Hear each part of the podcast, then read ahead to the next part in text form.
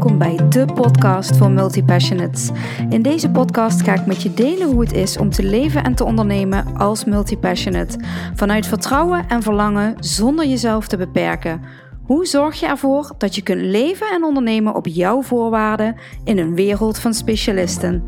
Zin in!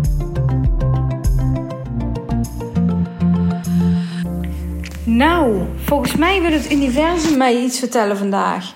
Ik heb zojuist 25 minuten zitten ranten over een onderwerp. Ehm, met mijn dictafoon aan, want ik dacht: dit is een goede podcast. En hij slaat hem niet op.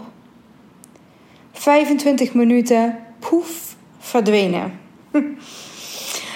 Oh, en dan kan ik natuurlijk meteen denken: oké, het is blijkbaar niet de bedoeling dat ik hem nu opneem. Maar aan de andere kant voel ik vanuit mijn tenen dat ik iets wil vertellen hierover. En dat ik denk, hell no, dat ik me laat tegenhouden door een dictafoon die um, niet doet wat ik wil. Dus here we are. Welkom dat je luistert. welkom dat je luistert. Welkom en leuk dat je luistert. En um, weer een nieuwe aflevering vandaag. Maar voordat ik ga want dat deed ik net de afgelopen 25 minuten ook, dus dat ga ik nu waarschijnlijk ook weer doen, wil ik je nog even iets onder de aandacht brengen. En dat is mijn super toffe groep, mijn super toffe Spirit Business Tribe. Een groep met multi-passionate vrouwen die allemaal ondernemen of willen gaan ondernemen of gedeeltelijk ondernemen. Daar krijg ik zoveel energie van deze week. Er gebeuren zoveel toffe dingen. Er worden zulke beslissingen genomen. Ik ben echt zo vet trots op iedereen in die groep die gewoon keuzes maakt. En daar gaat deze hele podcast ook over. Over verantwoordelijkheid nemen en over de keuzes maken die daarbij horen. Maar ik ben zo fucking trots op al die vrouwen die, die dit gewoon maar even doen. En ik wil je even zeggen dat als jij ergens in je tenen voelt een soort van nieuwsgierigheid naar die tribe, alsjeblieft check mijn website of stuur me een berichtje. Er is plek. Um, als jij past bij die groep, dan, uh, en ook als je er niet bij past, misschien wel juist als je er niet bij past, want dat triggert weer mooie dingen. Maar als de groep uh, ja, dus er is nog plek. En voel je alsjeblieft aangesproken als je dit ergens voelt kriebelen. En als je ergens denkt, ik wil ook wel bij zo'n groep multi-passionate vrouwen horen die um, elkaar vooral stimuleren en aanmoedigen om te doen wat ze willen doen. En die elkaar begrijpen. Die vooral ook snappen dat je als multi-passionate nou eenmaal anders functioneert als de rest. En een heel interessant gegeven trouwens. Ik was zojuist even bij uh, Jenneke van Genechten van Holy Shit. Um, haar bedrijf heet Holy Shit. En zij is een vriendin van mij. En wij zijn allebei multi-passionates. Maar we zijn ook allebei manifesting generators. Dus als jij bekend bent met human design en je bent een manifesting generator, dan is de kans dat jij een multi-passionate bent redelijk aanwezig. Um, heel interessant dus om te weten. Maar goed, voel jij je aangesproken? Is er iets in jou wat denkt: ik vind het interessant, ik wil er meer over weten? Stuur me een berichtje of ga naar mijn website naar biancasimons.nl of naar uh, simonsacademy.nl of naar mindsetforsucces.nl. Dan vind je daar alles over en kun je je eventueel aanmelden of vragen stellen als je dat wil. Dat wil ik nog even kwijt, want ik ben echt vet trots op ze. Als ze luisteren, ladies, I love you. Fantastisch. En het mooie is, en da daar ging mijn onderwerp uh, voor vandaag over, mijn podcast die ik al had opgenomen, die ging over het nemen van verantwoordelijkheid. Um, eigenlijk elke hmm, online training die ik heb begint met een video over het nemen van verantwoordelijkheid. Er is namelijk maar één manier waarop jij je huidige situatie gaat veranderen. En dat is door 100% verantwoordelijkheid te nemen voor de plek waar je nu staat. 100% verantwoordelijkheid te nemen voor de situatie waar je nu in zit en voor de resultaten die je tot nu toe gehaald hebt. En ik hoor je denken, ja, Bianc, maar ik wil die verantwoordelijkheid wel nemen, maar het is niet mijn schuld. Want misschien is er wel iets gebeurd wat buiten jouw macht ligt. Misschien is je wel iets overkomen. En ik zeg het allemaal tussen haakjes. Misschien um, is er iets heel heftigs gebeurd waardoor je nu bent waar je nu bent. En voelt het voor jou als. Um, hoe ga ik dit het beste zeggen? Verantwoordelijkheid nemen is iets anders dan schuld hebben aan. Misschien is het wel niet jouw schuld dat je nu staat waar je staat. Misschien komt het wel doordat jou iets overkomen is. Misschien komt het wel doordat jouw systeem anders functioneert. Daar kun jij niks aan doen. Daar kun je misschien niks aan doen. Maar dat wil niet zeggen dat je de schuld op je moet nemen. Het wil niet zeggen, verantwoordelijkheid nemen wil niet zeggen de schuld op je nemen. Schuld en verantwoordelijkheid is een compleet verschil, verschillend ding. Dus nee, het is misschien niet je schuld dat je staat waar je nu staat, maar het is wel jouw verantwoordelijkheid dat je staat waar je nu staat. En sterker nog, het is jouw verantwoordelijkheid hoe jij dealt met waar je staat, waar je nu staat. Ik denk dat deze podcast bij sommige mensen wel wat weerstand gaat oproepen. En dat is goed. Ik ga waarschijnlijk het woord slachtoffer gebruiken in deze podcast. En ik heb deze week ook weer gemerkt dat op het moment dat ik het woord slachtoffer gebruik, dat heel veel mensen um, reageren alsof ze onder stroom gezet zijn. Want ze voelen zich geen slachtoffer of ze willen geen slachtoffer zijn. En ik gebruik het woord misschien net iets te vaak. Um, en eigenlijk, en dat zei ik in de vorige podcast, die dus niet is opgenomen, dat ik het niet zo hard bedoel als dat ik het zeg. Maar misschien bedoel ik het ook wel zo hard zoals ik het zeg. Misschien stel je je ook wel op als slachtoffer. En misschien wil je dat wel helemaal niet horen. En misschien wil je ook helemaal niet geconfronteerd worden met het feit dat je je als slachtoffer opstelt. En misschien moet ik dan maar die persoon zijn die het wel even tegen je zegt. En misschien moet je dan wel een hekel aan mij krijgen en misschien vind je me dan niet meer aardig, maar iemand moet het zeggen. Als jij nu jou, als jij je nu getriggerd voelt, als ik jouw slachtoffer noem, ga eens onderzoeken waar in jouw leven jij je opstelt als slachtoffer. En dan kun je misschien heel hard roepen: nee, dat doe ik niet. Maar heel eerlijk, als iemand mij slachtoffer noemt, dan lach ik, draai ik me om en loop ik weg. Ik voel me 0, niks aangesproken als iemand mij slachtoffer noemt. Op geen enkele wijze triggert dat woord iets in mij. Waarschijnlijk gebruik ik het daarom ook wat vaker. Ik heb namelijk nul lading bij het woord slachtoffer. Op het moment dat jij je op je tenen getrapt voelt, als ik zeg, jij bent een, je stelt je op als slachtoffer, dan komt dat doordat jij een bepaalde lading aan het woord slachtoffer hebt gehangen. Dan komt dat doordat het iets in jou raakt waar jij herkenning voelt of waar jij je geraakt voelt. En dan mag je eens gaan onderzoeken wat dat is. Waar in mijn leven stel ik mij misschien nog wel te veel op als slachtoffer? Waar in mijn leven mag ik iets meer verantwoordelijkheid dragen? Als ik je trigger, dan zit er iets. Als jij je geen slachtoffer voelt, voel je je ook niet aangesproken. En terwijl ik dit zeg, heb jij misschien niet eens gemerkt, maar stopte de opname weer van mijn podcast. Ik had inmiddels al 10 minuten langer geluld en ik dacht er gebeurt iets geks op mijn telefoon. En hij had maar 8 minuten 36 opgeslagen van de 20 minuten die ik had opgenomen. het universum wil duidelijk niet dat ik deze podcast opneem, maar ik ga het toch doen. Maar goed, ik zei dus al, en ik weet niet of ik dit al gezegd heb, maar vergeef me. Ehm, ik gebruik het woord slachtoffer. Um, niet. Nou, ik zei het in de vorige podcast, en misschien dus net ook al. Um, ik bedoel het niet zoals ik het zeg, maar misschien ook juist wel. Misschien ben ik wel de persoon die jou nu even pijn mag doen. Misschien vind je me dan wel helemaal niet meer leuk. I'm okay with that. Maar misschien maakt het je wakker.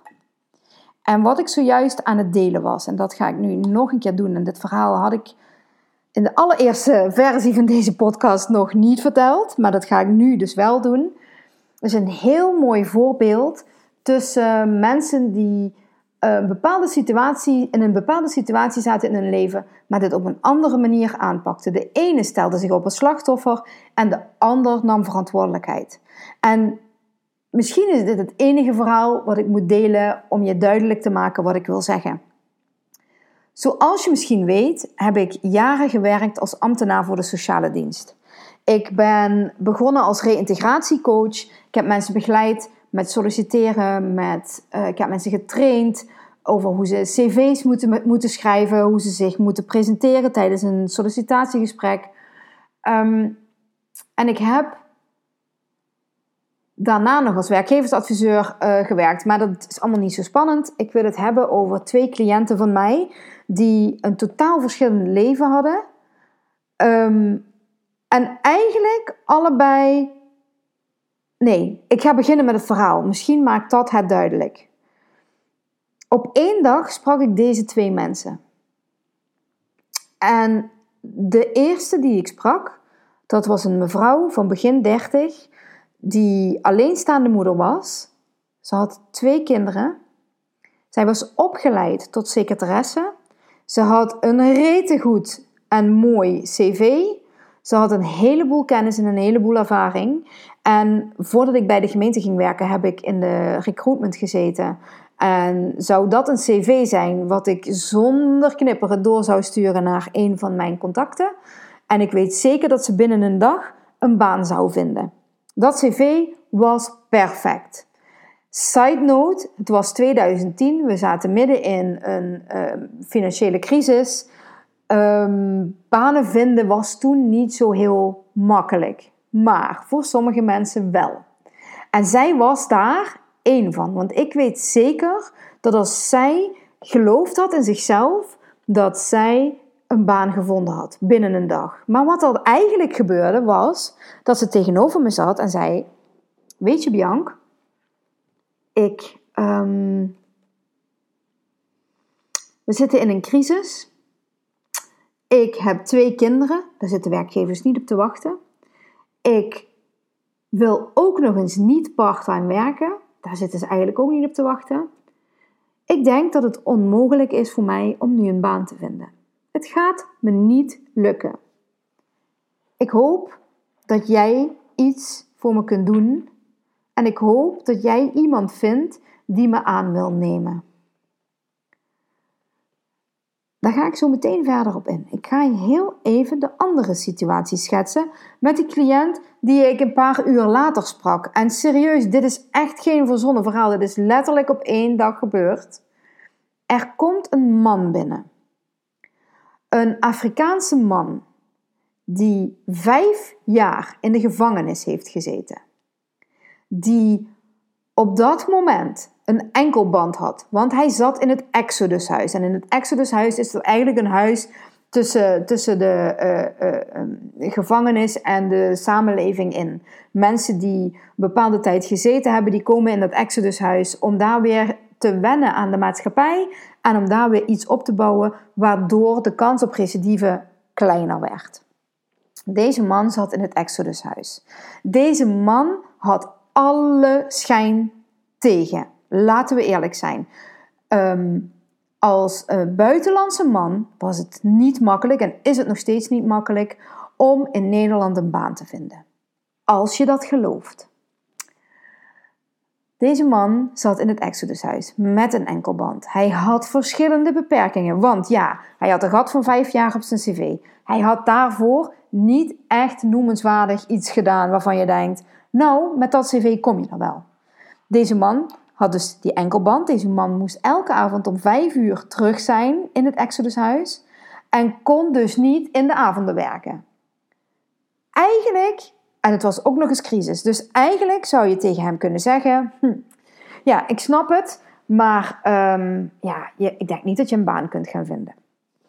En hij zit tegenover mij en hij zegt: Bianca, luister. Ik weet dat ik alle schijn tegen heb. Maar ik weet ook één ding, en dat is dat ik nooit meer terug wil naar het leven waar ik vandaan kom.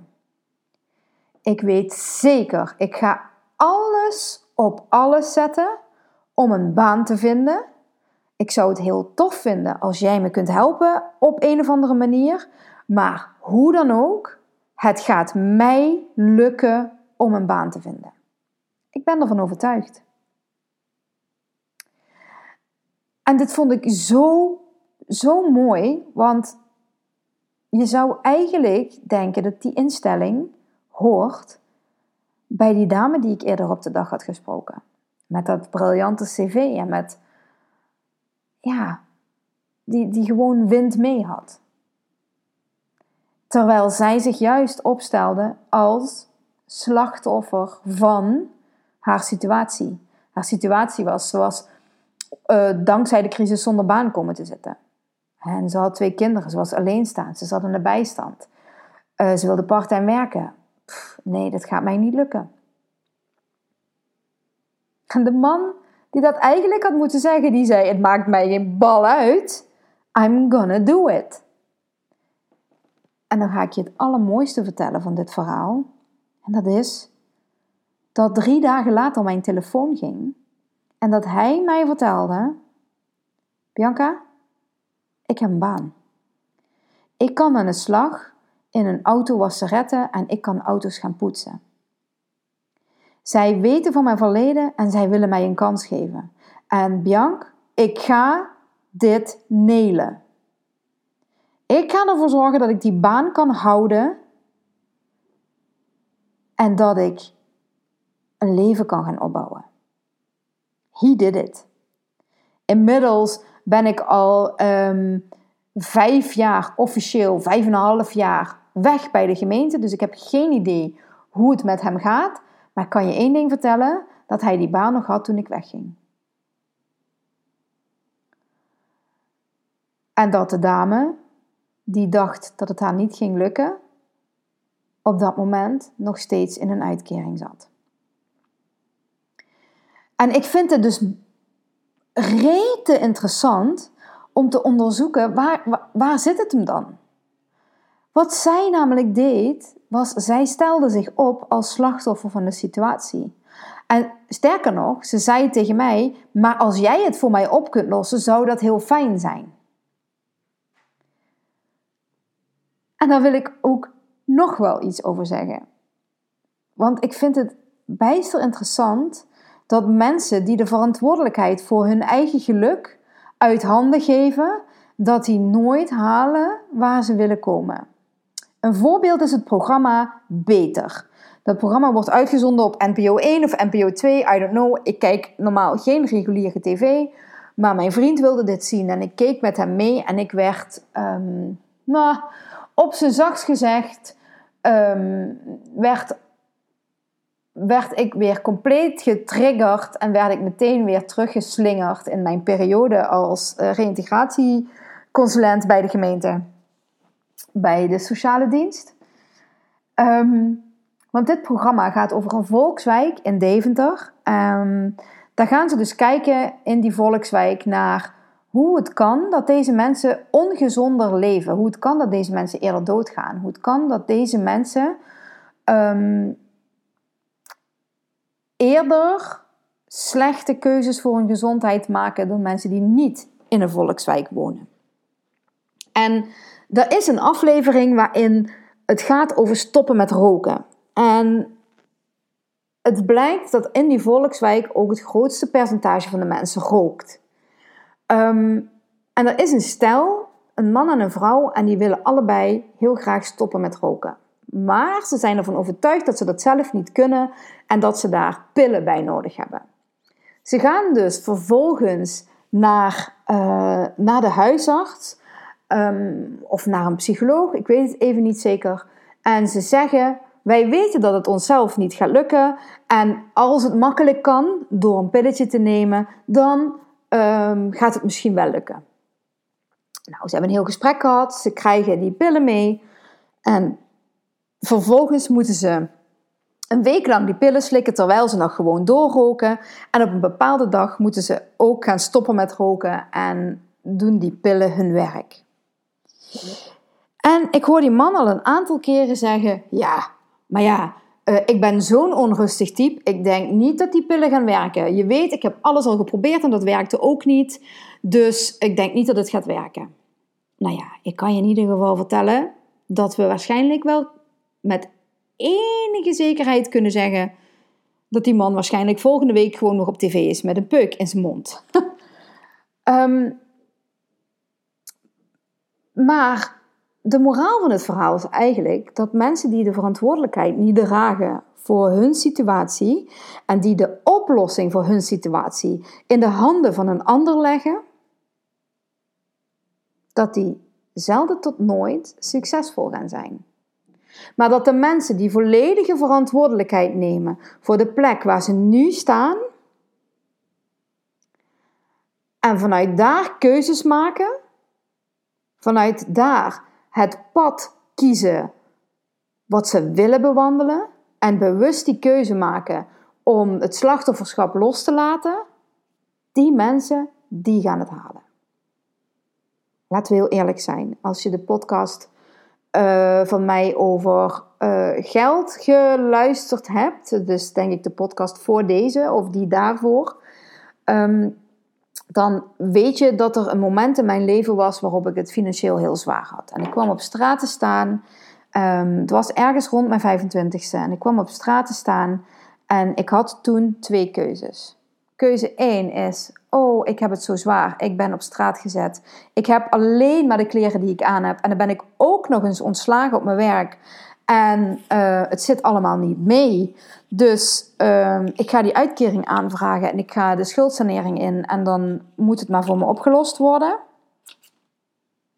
Of ik had de keuze: oké, ik neem verantwoordelijkheid voor mijn situatie. Dit is waar ik nu in zit.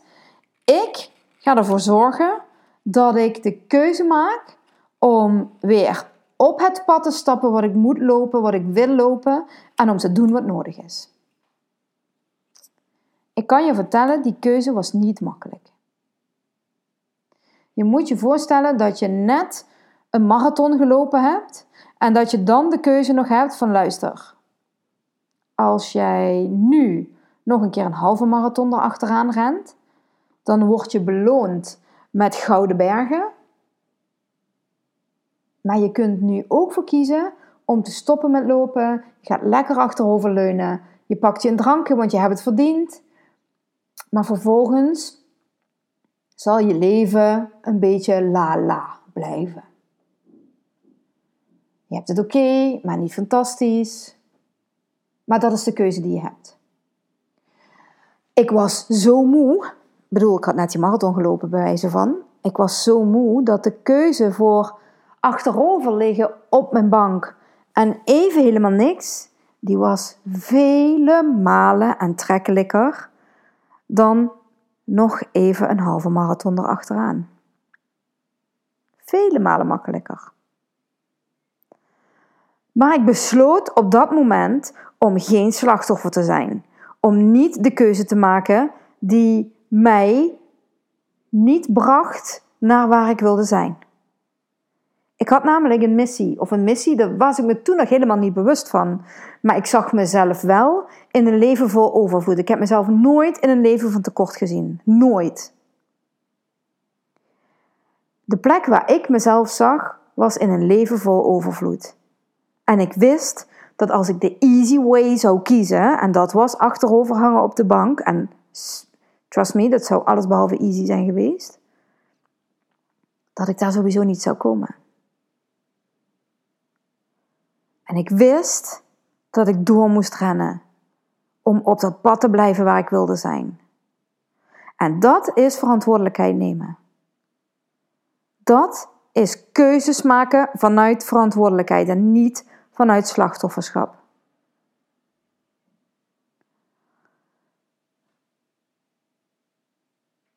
Einde rant, denk ik. Er is dus ergens een gekke overgang geweest in deze podcast. Ik heb ook geen idee of het verhaal um, daarin ergens scheef gaat.